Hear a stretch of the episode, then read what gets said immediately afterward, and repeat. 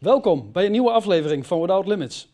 Bij mij in de studio vandaag weer Frank Ouweneel. Frank, van harte welkom bij Without Limits. Dankjewel. Vandaag gaan we het hebben over het Johannesevangelie, maar in een notendop. Ja. Want ik hoorde een verhaal van je broer die een keer gevraagd werd om te spreken over Johannes 17.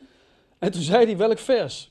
En toen heeft hij daar avonden over gesproken. Want er is zoveel te vertellen over Eén hoofdstuk, hè? Eén hoofdstuk van Johannes. Over één, één hoofdstuk, ja. ja. ja. Ja, en, en Johannes is natuurlijk een heel mooi evangelie. Als iemand voor het eerst de Bijbel zou gaan lezen en, en, en iemand zou aan mij vragen waar, waar zal ik mee beginnen, dan zou ik nooit zeggen Genesis 1, want dat is best wel moeilijk.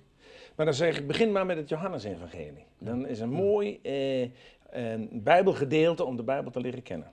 Maar dat is toch ook een beetje een begin. In het begin was het woord en het woord Precies, God. precies. En Johannes zit heel veel in. Elk hoofdstuk is een juweel. Natuurlijk is elk Bijbelhoofdstuk een juweel. Maar eh, Johannes is toch wel heel iets bijzonders. Vandaar dat deze aflevering, aflevering heet Johannes in een notendop. Want wij pretenderen niet dat we in eh, 28 minuten het hele Johannesevangelie eh Ja. bespreken. Toch gaan we het helemaal door, tot aan het laatste hoofdstuk. Nou, ik ben heel benieuwd. Eerste vraag, waarom zijn er eigenlijk vier evangeliën? Ja, want Johannes is het vierde evangelie. Hè? Matthäus, Marcus, Lucas, Johannes. En een heleboel christenen vragen zich dat af. Die lezen oppervlakkig de Bijbel en die eh, zeggen, ja, het is allemaal hetzelfde.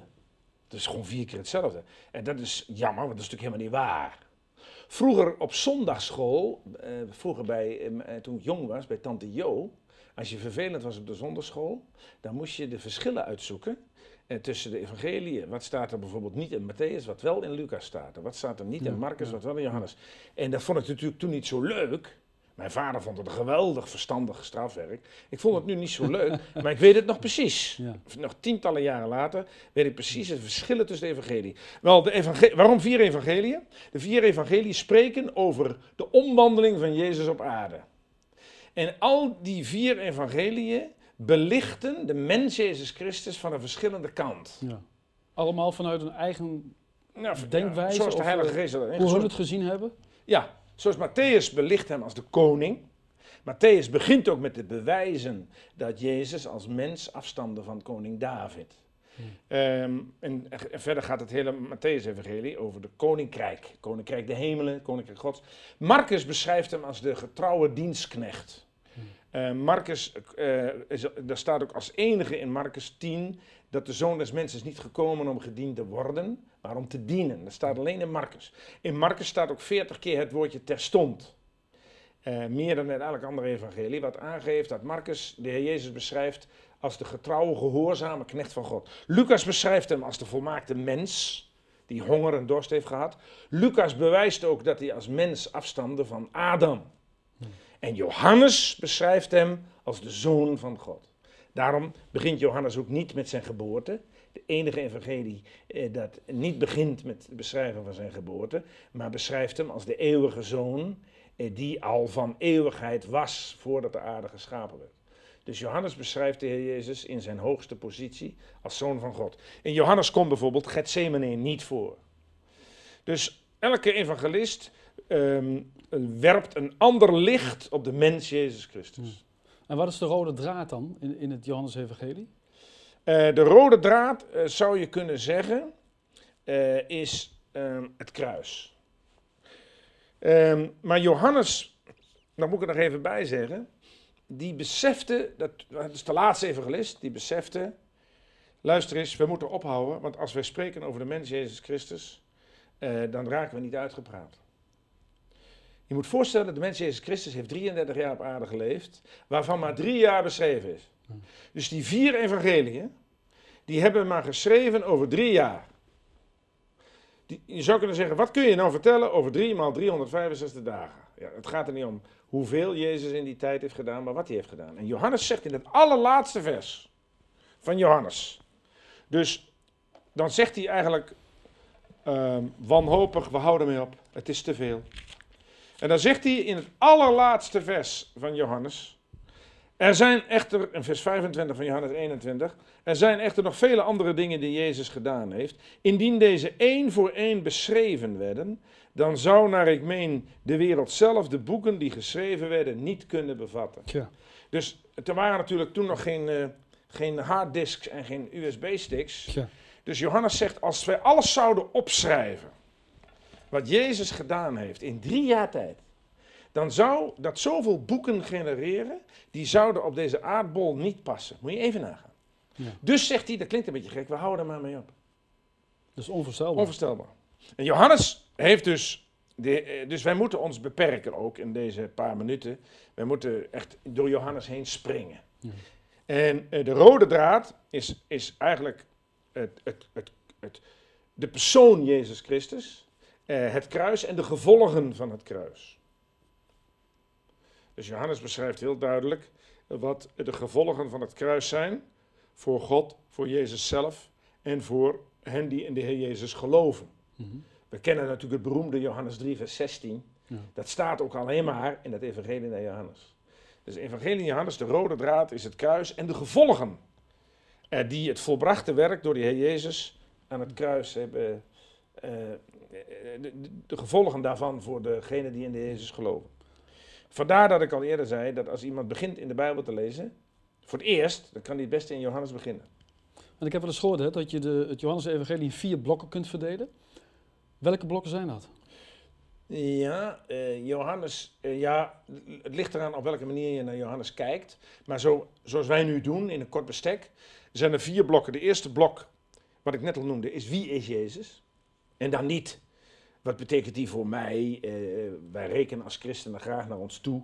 Maar wie is hij in zijn heerlijkheid? Eh, blok 2 is eh, het werk van Jezus aan het kruis in relatie tot onze redding en onze dankbaarheid daarvoor. Dat is het tweede blok. Het derde blok in het Evangelie van Johannes is het kruis van de Heer Jezus in relatie tot onze redding. En het vooruitzicht dat Hij die ons op het kruis heeft gered, dat we Hem ooit zullen gaan zien. En het vierde blok, dat is het kruis in relatie tot onze redding. En onze dagelijkse liefde voor Hem. Dus tot aan het moment dat we de Heer Jezus echt met onze ogen zullen zien, zolang we dus nog hier op aarde zijn, wat heeft het kruis dan in mijn leven voor effect eh, als het gaat om mijn dagelijkse liefde voor Jezus Christus? Dat zijn globaal de vier blokken. Maar die blokken die je noemt, dat, dat, dat gaat natuurlijk heel diep. En volgens mij kun je daar avond over spreken. Nou, we hebben nog 20 minuten Dus dat doen we nu niet. hè, voor deze aflevering. Ja. Maar, maar kun je daar iets dieper op ingaan om toch kort die vier blokken eh, weer te geven? zeg Nou, maar? bijvoorbeeld het eerste blok, hè. Ja. Eh, we, we pakken natuurlijk wel het Johannes Evangelie erbij. Eh, voor de kijkers, dat is in het Nieuwe Testament Matthäus, Marcus, Lucas, Johannes. Nou, dan beginnen we natuurlijk, eh, de- de- deze studie heet Johannes in de notendop. Johannes 1 vers 1. Ehm, daar wordt gesproken over wie Jezus is. De- eh, dus voordat de- dat Johannes spreekt over het kruis, eerst wie Jezus is. Johannes 1 vers 1. In het begin was het woord, en het woord was bij God, en het woord was God. Dit was in het begin bij God. Hier wordt de Heer Jezus het woord genoemd. Ja. Dat betekent, alles wat hij op aarde zei, waren de woorden van God. Ja. Hij wordt hier, eh, dus wat eh, er staat in Hebreeën 1, dat God heeft tot ons gesproken in de Zoon. Ja. En, ehm, en, en, en dus hier wordt de Heer Jezus niet genoemd Jezus of de Zoon, maar degene die in wat hij deed en wat hij zei, de openbaring was van God. Ik vind het ook mooi, hè, want in openbaring 19, ik dacht vers 13, daar staat ook van dat de naam van Jezus betekent het woord Gods. Amen. Ja. Dat vind je hier. En dan staat er in vers 14 van Johannes 1, het woord is vlees geworden en heeft onder ons gewoond en we hebben zijn heerlijkheid aanschouwd. Als he- een heerlijkheid als van een enige geboren des vaders. Dus Johannes zegt, voordat de aarde überhaupt geschapen was, was Jezus al het woord. De uitdrukking van de heerlijkheid van God. Maar dat woord, Jezus, is vlees geworden, is naar de aarde gekomen Ja. en heeft onder ons gewoond. En in alles wat ik al zei, wat de Heer Jezus zei en deed, was hij de openbaring van, de- van God. Hij zei ook, wat ik spreek, spreek ik zo als de Vader mij gezegd heeft. Hmm. Als, als iemand aan de Heer Jezus vroeg, wie bent u? Dan zei hij geheel wat ik u ook zeg. Met andere woorden, luister naar mijn woorden en je weet wie ik ben. Ik ben de Zoon van God en dat zul je merken aan alles wat ik zeg en wat ik doe. Ja. Maar dat is mooi dat je dat zegt, want eigenlijk wij als christenen, hè, mensen moeten ook aan ons kunnen zien dat we Jezus volgen, dat we christen zijn, Juist. Aan wat we zeggen en wat we doen. Juist, ja. Ja, daarom zegt Paulus ook in Kolosse, uw woord zij altijd met zout besprengt. Gij moet weten hoe gij aan ieder het juiste antwoord moet geven. Dat kunnen wij door de Heilige Geest. Amen. En de- dus wat in Johannes staat, dat schrijft eh, de Hebreeënbrief schrijven in Hebreeën 1. Daar staat, uw troon, zegt de Bijbel van de Zoon, is in alle eeuwigheid. Dus als Zoon van God was de Heer Jezus van alle eeuwigheid. En toen hij hier op aarde kwam, kreeg hij de naam Jezus. Maar hij was al de eeuwige Zoon van God. Vertelt mij Johannes 1. Ehm, daarom wordt de Heer Jezus bijvoorbeeld in Lucas 7 genoemd een groot profeet. Een profeet, dat weet jij ook, dat betekent mond van God. En dus dat wil zeggen, eh, alles wat de Heer Jezus zei, dat, was, dat waren de woorden van God. Dus daarom wordt hij in Johannes 1 genoemd het woord van God. En dat heeft men hier op aarde letterlijk kunnen horen en kunnen zien. De uitspraken en de openbaring van wie God is. Is dat mooi of is dat mooi? Ja, dat is heel mooi. Daar staat bijvoorbeeld, om nog even, nog even, om even een proefje te geven, er staat in Johannes 12, vers 49, dan zegt de Heer Jezus, wat ik net zei, ik heb niet uit mijzelf gesproken, maar de Vader die mij gezonden heeft, heeft zelf mij een gebod gegeven wat ik zeggen en spreken moet. En ik weet dat zijn gebod eeuwig leven is. Wat ik dan spreek, spreek ik zo als de Vader mij gezegd heeft. Dus alles, ik herhaal maar weer, wat de Jezus op aarde zei, dat waren de woorden van God. God sprak door Jezus heen. Daarom is het zo'n geweldig wonder dat dat woord van God, die eeuwig bij God was, naar de aarde is gekomen, zodat wij God hebben leren kennen. Er staat ook, toen Jezus nog maar net begonnen was met zijn, met zijn bediening, was die 30 jaar, in Lucas 4 staat er, en de mensen verwonderden zich over de woorden van genade die van zijn lippen kwamen. Dus, de, dus soort, kennelijk, zodra hij begon te spreken, immers Johannes 1, hij was het woord van God, verwonderde men zich over de woorden van genade die van zijn lippen kwamen. Daarom wordt hij ook in openbaring 1 het, de getrouwe getuige genoemd. En daarom noemt Johannes hem het woord eh, dat al van eeuwigheid af bij God was. En kun je dan ook zeggen dat wij daarom, dat het belangrijk is dat wij door de Heilige Geest geleid worden, zodat wij ook de juiste woorden spreken? Ja. Want van de Heer Jezus werd gezegd dat hij eh, vol was van de Heilige Geest. Maar, maar, hebben we gelezen, Johannes 1, vers 14, het woord is vlees geworden. Met andere woorden, dat woord van God, de eeuwige zoon, die God zelf was, is naar de aarde gekomen. Waarom? Waarom is Jezus, die eeuwig al bij God was, naar de aarde gekomen? En kreeg hij daar de naam Jezus? Want zodra hij geboren was, staat er, gij zult hem de naam Jezus geven. Wat betekent, God is redder. Waarom kwam hij als mens naar de aarde? Ehm, om naar het kruis te gaan. Ja. Eh, ik- het klinkt een beetje raar, maar dat kon de Heer Jezus in de hemel niet doen. En daarom, Dus op- hij kwam eigenlijk om te sterven. ja, gek eigenlijk. Ja, dat is gek. En daarom zegt eh, Johannes 1, ook in vers 29, dus hetzelfde Johannes 1, wat begint met hem te beschrijven als de eeuwige zoon van God. Zodra hij op aarde kwam, werd van hem gezegd, in Johannes 1, vers 29, de volgende dag zag hij Jezus tot zich komen en zeide, zie het lam Gods, dat de zonde der wereld wegneemt. Dat moest toen nog gebeuren. Dus hij kwam op aarde om het lam van God te worden, om zichzelf op te offeren.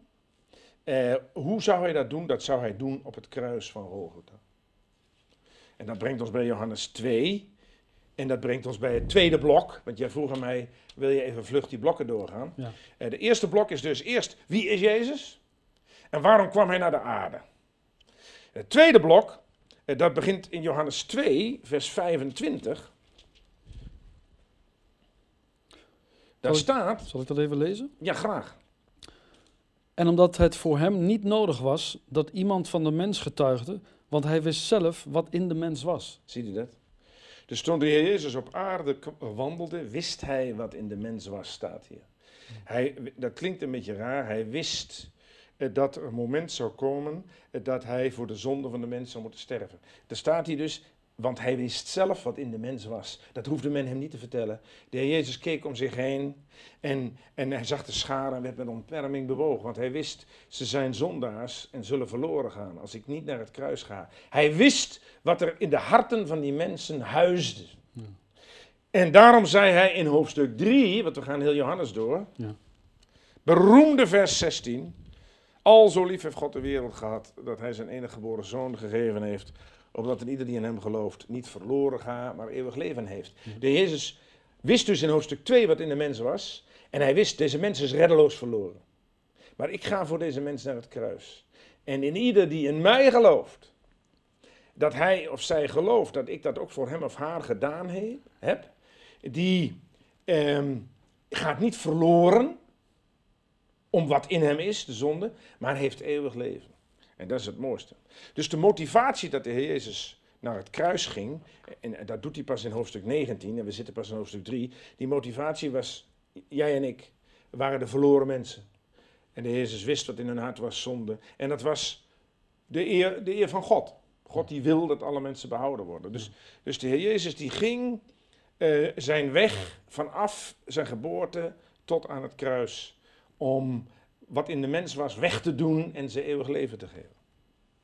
Want toen komen we bij Johannes 4, en dat brengt mij naar het derde blok. Maar uh, dat derde blok, dat, uh, dat, dat wacht nog, e-, laat nog even op zich wachten. In Johannes 4 zegt de Heer Jezus, we gaan dus hoofdstuk voor hoofdstuk Johannes door. Hè? Vers 34 zegt de Heer Jezus, mijn spijze is te doen de wil van degene die mij gezonden heeft en zijn werk te volbrengen. Hmm. Dus dat de Heer Jezus uiteindelijk naar het kruis ging, was om mensen te redden. Maar hier zegt hij, uiteindelijk doe ik dat om de wil van God te doen. En we weten uit 1 Timotheus, God die wil dat alle mensen behouden worden. En daarom zegt de Heer Jezus in Johannes 4, ik ben gezonden niet om mijn wil te doen, maar om, om, om mijn spijze is te doen de wil van degene die mij gezonden heeft. Dat motiveerde hem. Ik ga de wil van God doen. God die wil dat alle mensen behouden worden. Ik zie toch heel veel overeenkomsten met hoe wij eigenlijk als christen zouden moeten leven. Ja, daarom zegt Petrus ook in 1 Petrus 2, eh, hiertoe zet gij geroepen dat Christus u een voorbeeld heeft nagelaten, opdat gij in zijn voetstappen zou treden. Dus al die vier evangelieën hebben wij er niet voor de flauwe kul, die hebben wij om de voetstappen van Jezus te leren kennen. En daarom is het goed dat je dat vraagt, om uiteindelijk het ook zo te doen. En de Heer Jezus zegt in Johannes 5, het volgende hoofdstuk, als het gaat om het kruis, ook u die thuis zit te kijken, dan zegt de Heer Jezus Johannes 5, vers 24, ik zeg u, wie mijn woord hoort en hem gelooft die mij gezonden heeft, heeft eeuwig leven en komt niet in het oordeel, want hij is overgegaan uit de dood in het leven. Dus mooi, Johannes 1 zie je de heerlijkheid van de Heer Jezus, de eeuwige zoon. Johannes 1 vertelt dat die eeuwige zoon naar de aarde is gekomen. En Johannes 1 vertelt dat hij naar de aarde kwam om het lam van God te worden. Johannes 2 vertelt eh, dat de Heer Jezus wist wat er in de mens was, zonde. En hij wist dat de mens verloren zou gaan. In Johannes 3 zegt de Heer Jezus, ik kom en als ze in mij geloven, zullen ze eeuwig leven hebben. In Johannes 4 zegt de Heer Jezus, ik doe dat uiteindelijk om de wil van God te doen, die wil dat alle mensen behouden worden. En in Johannes 5 zegt de Heer Jezus eigenlijk persoonlijk ook tot u die zit te kijken, als je mij gelooft, dan ga je niet verloren, maar ben je overgegaan uit de dood in het leven. Dat is, dat is, mooi. Daarom is, eh, daarom is in Johannes in Johannes enerzijds in het evangelie staat de persoon van de Jezus centraal en anderzijds zijn kruis. Ja, prachtig. En ik denk dat elke christen daar dankbaar voor moet zijn. Ja, zeker. En daarom zegt de Jezus in Johannes 6, vers 46. Daar zegt de Jezus, uh, vers 47, zegt de Heer Jezus, ik zeg u, wie gelooft heeft eeuwig leven. Ik ben het brood des levens. Dus de Heer Jezus zegt, als je dankbaar bent voor wat ik voor jou gedaan heb, dan moet ik voor jou worden het brood des levens. Dat wil zeggen, jij moet jou, jouzelf met mij voeden. Een mens heeft om, zich, om te groeien en om te leven uh, fysiek voedsel nodig. Maar de Heer Jezus zegt, wil je geestelijk groeien? Wil je worden zoals ik, wat jij net zei, hè? Dan moet je, je je hart met mij vullen. Ik ben het brood des levens. Daar bedoelde de Heer Jezus niet mee, ik ben echt fysiek brood, ik ben geestelijk brood. En, en je moet je hart vullen met mij. En dat kan door het woord van God. Ja, ja want in, in, ik geloof Johannes 4 of uh, Matthäus 4 en Lucas 4, er staat ook dat Jezus gezegd heeft, niet alleen van brood zal de mens leven, Juist. maar van alle woord dat uit de mond Gods gaat. Juist. En degene die hier op aarde uh, een ultimo dat woord sprak, was de Heer Jezus zelf. De Jezus zei ook altijd, hoort mij. En als God hem verheerlijkt, dan zegt God, dit is mijn geliefde zoon, in wie ik me wel bewagen heb, hoort hem. Ja. Want hij spreekt mijn woorden. Ja. Dan leert de Johannes 7, En dat zegt hij Jezus ook tot de kijkers thuis. Hij zegt, als je in mij hebt geloofd en je hebt mij aangenomen als je verlosser. Voed je hart met mij, het hemelse brood. En laat je leiden door de Heilige Geest. Want hij zegt Johannes 7, vers 38, het volgende hoofdstuk. Je ziet, we gaan zo heel langzaam Johannes door. Dan zegt de Jezus, wie in mij gelooft, gelijk de schrift zegt, stromen van levend water zullen uit zijn binnenste vloeien. Dit zei hij van de geest, welke zij die tot geloof in hem kwamen, ontvangen zouden. Ja. Kun je dat nog even ietsje uitleggen, stromen van levend water? Nou, Wat eh, is dat precies? Nou, dat, als, dat eh, heel kort gezegd, dat als, uh, dat als jij een spons in het water duwt, en je houdt die spons een poosje onder water, en je houdt die spons, die haal je uit het water, en die spons die leg je neer zo op tafel, en na een half uur, als je ze op die spons drukt, dan komt er water uit. Die spons heeft zich volgezogen met water. De Jezus zegt, als je laat leiden door de Heilige Geest, en jouw geest helemaal laat uh, um, doordringen. doordrenken, juist, verzadigen door de Heilige Geest, dan, dan zul jij ook die effecten van de geest en de, en de kentekenen en kenmerken van de geest openbaren. Als, als men op de spons van jouw hart drukt, Hmm. zullen stromen van levend water, niet van water, maar van levend water uit je hart komen. Hmm. En dat is natuurlijk ook de kracht van de Heilige Geest in het leven van een christen. Hmm. En dan, hoe wordt dat zichtbaar? Er staat in Johannes 8, vers 12. De Jezus zegt, ik ben het licht der wereld. Wie mij volgt, mooi hè, zal nimmer in de duisternis wandelen. De Jezus zegt, eh, als je mij volgt, als je mijn discipel wordt, dus het is enerzijds geloven in de Heer Jezus, anderzijds je hart vullen met het brood, Johannes 6. Anderzijds je laten leiden door de Heilige Geest, Johannes 7. En Johannes 8 zegt de Heer Jezus, mij volgen. Ja. Dan zul je het licht des levens hebben, dat is wel, dan zul je wijsheid ontvangen. Maar volgen is doen. Ja. Is actie. Dat is ook wat, wat, wat ik net zei uit 1 Petrus 2. Hiertoe zijn gij geroepen daar Christus u een voorbeeld heeft nagelaten, opdat gij in zijn voetstappen zou treden. En, en, dat mag je ook uitdelen. Dus de Heer Jezus zegt niet alleen je moet je hart vullen met mij, uh, Johannes 6, niet alleen leven door de Heilige Geest, Johannes 7, niet alleen mij volgen, maar ook uitdelen. Want dat zegt de Heer Jezus, Johannes 9, vers 38. Daar zegt de Heer Jezus zo treffend.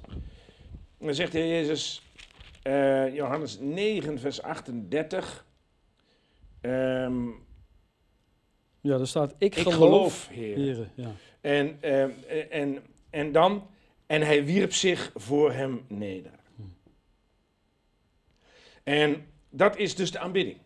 Dus als je je, je hart vult met de Heer Jezus, als je je laat leiden door de geest, als je de Heer Jezus volgt, dan kan het niet anders dan tot je aanbidding komt. En dat is wat er staat in Johannes 9. Ik geloof, Heer, en hij wierp zich voor hem neder. En de Heer Jezus zegt eigenlijk tegen elkgene die hem aanbidt, deel uit van wat je van mij gezien hebt. Want wat staat er in Johannes 10 vers 9, dan zegt de Heer Jezus, ik ben de deur. Als iemand door mij binnenkomt, zal hij behouden worden. Deel het evangelie uit en zegt als je door de deur van de Heer Jezus naar binnen gaat, als je gelooft in de Heer Jezus, zul je gered worden. En dat brengt ons bij het derde blok. Want je vroeg naar die blokken, met die ben ik nog steeds mee bezig. Dat is het kruis in relatie tot onze redding en het vooruitzicht hem eens te zullen zien. Er zijn een hoop mensen die zeggen, ik ben gered. Jezus heeft mij gered. Maar die denken, die, die, voor hen is het niet altijd even interessant om hem ooit ook te zien. Men vindt het hier zo leuk op deze aarde. Men vindt het hier zo geweldig. Maar het is toch wel geweldig om je redder eens te mogen zien. Nou, dat staat bijvoorbeeld heel mooi. Uh, in, uh, en dan gaan we weer terug naar het kruis. In Johannes 11, vers 35 staat. Heel bijzonder. Jezus weende. Is dat het kortste vers uit de Bijbel? Het kortste vers uit de Bijbel. Dat wil zeggen, de Heer Jezus, daar stierf iemand. En de Heer Jezus, waar huilde hij nou eigenlijk om? Niet zozeer om degene die, om degene die gestorven was, maar daar zag de Heer Jezus de gevolgen van de zonde. Eigenlijk was dat de eerste keer dat de Heer Jezus letterlijk werd geconfronteerd met het gevolg van de zonde, de dood. daar, dat klinkt een beetje gek, dat probleem wilde hij gaan oplossen. Daar zag hij dat in zijn volle glorie, de dood. En hij wilde de dood vernietigen. Hij wilde de dood een halt toeroepen. Hij wilde het leven brengen. En daarom zegt hij in Johannes 12, vers 24. Prachtig om zo'n studie te doen. Johannes 12, vers 24, daar zegt hij... Ik zeg u, indien de graankorrel niet in de aarde valt en sterft, blijft zij op zichzelf. Maar indien zij sterft, brengt zij veel vrucht voort. Daar heeft de Heer Jezus het over zichzelf.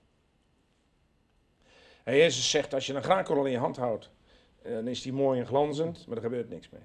Eh, er, komt geen vrucht, er gebeurt niks mee. Je moet, je moet hem in de grond stoppen, dan wordt hij heel lelijk, maar dan is er vrucht. En hij sprak over zichzelf. Hij zegt, als ik in de hemel blijf, was gebleven, dan was ik stralend geweest, dan had ik al mijn heerlijkheid nog gehad. En maar dan had ik geen vrucht gehad. Dan had ik niemand om te redden gehad, niemand ervoor te zorgen. En dan was ik altijd alleen gebleven. Dan zegt hij ook, indien zij niet sterft, blijft zij alleen. De Heer zegt, ik ben die graankorrel. Ik ben naar de aarde gekomen en gestorven, maar door mijn dood heen heb ik veel vrucht mogen zien. Dat alle mensen die in mij geloven niet in de dood zijn gebleven, maar eeuwig leven hebben ontvangen. Doordat ik naar de aarde gekomen ben en gestorven. En daar blijkt zijn liefde uit. En want er staat in Johannes 13, en voor het Pascha, eh, toen Jezus wist dat zijn uren gekomen was om uit deze wereld over te gaan tot de Vader, heeft hij de zijne die hij in de wereld lief had, lief gehad tot het einde. En, in het Griekse taal van het Nieuw Testament staat niet einde, maar uiterste. Dus de Heer Jezus heeft zijn liefde bewezen door voor mensen tot het uiterste te gaan. Het kruis. Ja, dat heeft hij zeker gedaan, ja. En um, we hebben nu nog maar weinig tijd. Je ziet, we hebben, zijn nog maar gekomen tot Johannes 13. Hmm. En uh, wellicht is het niet, on, uh, uh, niet onwijs om hier eens op door te gaan. Want het mooiste moet eigenlijk nog komen. Maar in Johannes 13, vers 1 zegt feitelijk dat de Heer Jezus de mensen niet alleen lief had. Dat had hij bewezen. Mensen genezen. Hij was altijd lief en aardig. Terwijl de mensen hem uitscholden voor alles. Er staat in Hebreeën die zulk een tegenspraak van de zondaar tegen zich heeft verdragen. Hij bleef altijd lief. Behalve als het de eer van God betrof. Dan keerde hij de tafels om. Maar hier staat dat hij niet alleen lief was tijdens zijn leven, maar dat hij ze lief had tot het uiterste. Dat hij was bereid om voor ze naar het kruis te gaan. Mooi om daar deze uitzending mee af te sluiten. Ja, inderdaad. Tot Johannes 13. Zouden we nog een uh, programma ermee kunnen vullen, denk je? Ik denk het wel, ja. Want uh, we krijgen hierna, uh, Johannes heeft 21 hoofdstukken, we krijgen hierna het kruis. En het is misschien goed om de volgende keer nog even kort te herhalen wat we gehad hebben. Ja. Het is jammer om een, zo'n mooi evangelie ja. met grote snelheid er doorheen te jassen. Ja. Nou, dan doen we gewoon volgende week nog een aflevering. Graag. En dan maken we deze studie af. Oké. Okay. Amen. Prachtig.